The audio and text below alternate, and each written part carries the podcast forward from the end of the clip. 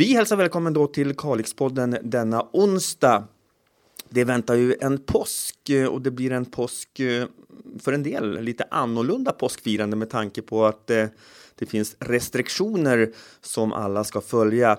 Eh, I dagens podd så har vi två stycken gäster. Det är Patrik Wallström som är stabschef eh, i krisstaben och vi har Tom Nilsson som är ordförande i krisledningsnämnden. Först och främst Tommy, vad är skillnaden mellan krisledningsstaben och krisledningsnämnden? Eh, den största skillnaden är att krisledningsnämnden tar övergripande beslut och i det här fallet har vi tagit beslut om att göra en tilläggsbudget bland annat. Och det innebär att vi i vissa frågor tar beslut som i annat fall ska upp till fullmäktige. Och det är för att korta beslutsvägar och få till snabbare beslut. Krisledningsstaben, Patrik, eh, det är den du leder och eh, där är det möten varje dag och där fattas det olika saker som berör verksamheten men också saker som berör de som bor i kommunen. Eh, kan du berätta mer om hur staben jobbar? Krisledningsnämnden den är ju politisk och vad heter nu, krisledningsstaben det är ju tjänstemännens högsta krisledningsorganisation. Hur förbereder Kalix kommun på en smitta här i Kalix? Förvaltningen har ett uppdrag att jobba med sina kontinuitetsplaneringar och de jobbar ju med dem kontinuerligt för att förbereda sina verksamheter och organisationer. Innebär det här att det tillsatts lite olika arbetsgrupper eller hur, hur går man tillväga för att komma fram till olika, beslut? Absolut, precis som du säger. Utifrån de här kontinuitetsplaneringarna så dyker det upp problembilder. Bland annat att det kanske inte finns tillräckligt med personal om vi får en en eskalerad händelse här och då måste vi titta på det och eh, vi har skapat arbetsgrupper som angriper det här problemet från olika sätt. Det innebär, om jag förstår det rätt Patrik, att man eh, jobbar väldigt med att vara förberedd vid olika scenarion. Ja, givetvis är det ju en del att förbereda sig. Ser vi att vi redan nu kan få brist på personal så måste vi eh, tillsätta eh, resurser där och därför jobbar vi dedikerat mot de delarna och fokuserar att se till att samhällsviktig verksamhet har personal. Vilken samverkan har ni med övriga myndigheter? Varje vecka så har vi en samverkanskonferens som leds av Länsstyrelsen där eh, länets myndigheter, kommuner och olika aktörer är närvarande. Vad tas upp där? det är ju egentligen eh, händelsebaserat. Det beror på lite grann vad som händer. Det är ju allting från eh, covid-smittan här. Det har varit norska gränsen, hur vi förhåller oss till det. Och, och på tapeten har ju nu eh, på sistone varit finska gränsen. Är det många frågor som kommer in kring det här? För det är ett ämne som så många pratar om, tänker jag. Ja, det kommer ju in frågor, men vi jobbar ju proaktivt med informationen så att eh, ju mer vi ligger före händelseutvecklingen med information, desto mindre frågor får vi. Tommy Nilsson, vad är den vanligaste frågan du får? Den vanligaste frågan det är nog från näringslivet idag. Det kommer frågor att, att helt enkelt att verksamheten går väldigt dåligt för många näringar idag, lokalt. På vilket sätt, eh, ni krisledningsnämnden, på vilket sätt kan ni agera i de här frågorna? Ja, vi har gjort ett antal åtgärder. På, vi har haft två möten i krisledningsnämnden. Första mötet då tog vi ju en, en tilläggsbudget på 12 miljoner kronor. Och eh, vi beslutade även om att vi skulle ge en, en gåva till personal på 300 kronor för att stimulera det lokala näringslivet. Vid det andra mötet så beslutade vi om att eh, gymnasieeleverna som är hemma och studerar hemma ska få möjlighet att hämta luncher. För vi vet att för många gymnasieelever är det det enda varma målet mat per dag. Så vi har valt att prioritera och samtidigt stimulera de lokala restaurangerna som serverar mat. De har ju också drabbats hårt av, av, av nedgången. På vilket sätt kommer ni fram till de här besluten?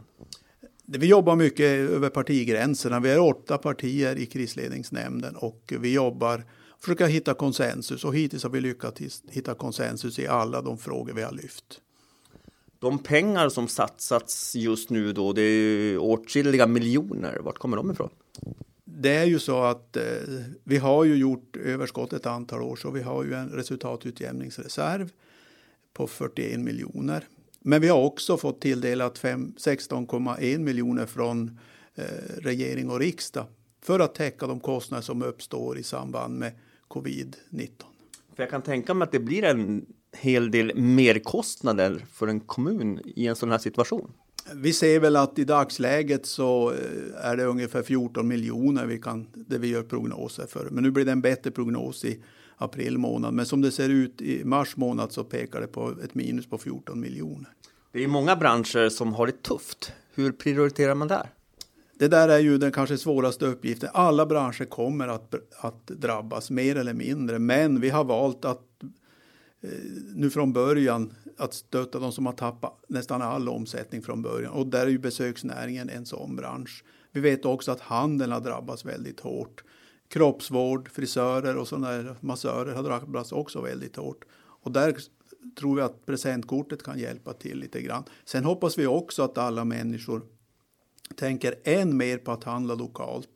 Jag brukar uppmana människor som har råd att använda sina pengar, men på ett säkert sätt. Se till att du får varorna hemkörda. Eh, om du går till någon på massage, se till att om du har eh, rengjort ordentligt så du kan ta din massage. För att om vi alla slutar använda våra pengar då spär vi på lågkonjunkturen ytterligare. Det är ett besvärligt läge, men vi som bor och kanske har en inkomst idag, vi måste använda våra pengar som vi alltid annars skulle ha gjort. För det är ju viktigt att tänka på framtiden också. Trots att det är otroligt tuffa tider nu, men vi vill ju ha ett Kalix. Vi vill ju ha ett levande Kalix kommun med alla dess byar och butiker och matställen, hotell och industrier och hela näringslivet vill vi ha kvar. Det är ju därför vi gör de här åtgärderna också. Vi försöker göra så gott vi kan, men vi vet att vi kommer inte ha ekonomi att hjälpa all, alla.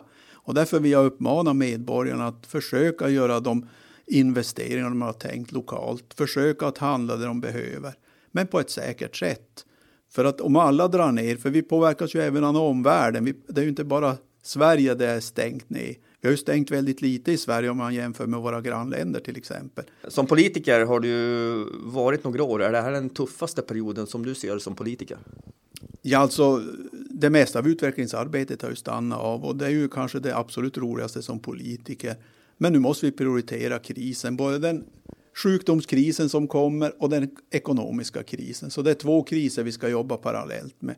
Och som politiker så blir vi ju lite splittrade, men vi överlåter väldigt mycket av den sjukdomskrisen till vår verksamhet att klara av. Vi har mest fokuserat de här sista två veckorna på att kunna möta upp näringslivskrisen. Men jag tror närmare toppen på den sjukdomskris som närmar sig så kommer vi få fokusera än mer på den.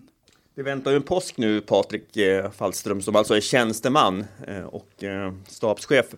Hur går arbetet vidare här i kommunen? Ja, eh, förhoppningsvis hoppas vi på en lugn påskhelg, men eh, vi har ju beredskap. Händer det någonting så, så kör vi vidare, men eh, vi hoppas som sagt på en lugn påskhelg. Vet man när kulmen kommer till Norrbotten eller Kalix? Nej, utan det är spekulationer, utan det är prognoser som man, man tittar på. Vi, vi kan ju bara försöka planera utifrån de riktlinjerna vi får från våran smittskyddsläkare här i länet och där nämner han ju då och det är ju en gissning säger han ju också att, att vi får leva med det här fram till midsommar men som sagt en gissning från, från hans sida. Därför jag ställer en kanske något märklig fråga. Eh, visar bara vikten av att, hur svårt det är att planera. Ja, vi vet ju så lite om det här och vi vet ju inte när vi får våran eh, höjd här i förhållande till om man tittar på Stockholm nu som, som är inne i en uppåtstigande kurva så har vi inte riktigt den utvecklingen eh, ännu här utan vi väntar ju att vi ligger några veckor efter. Tom Nilsson avslutningsvis, eh, du ska få uppmana eh, de som bor i Kalix kommun alldeles strax, dina råd och rekommendationer. Men kommer det fler beslut inom kort när det handlar om olika frågor från krisledningsnämnden som alltså är politiskt? Alltså inte vad vi vet i dagsläget, men det kan gå väldigt fort när saker och ting dyker upp. Men ingenting i, i planen just nu, utan nu analyserar vi och fokuserar på det vi har beslutat och framför allt så måste vi fokusera och se till att vår egen verksamhet fungerar också fullt ut. Och din uppmaning nu till alla som lyssnar på det här? Det är att vara rädda om varandra i påsk. Att eh, umgås i mindre grupper.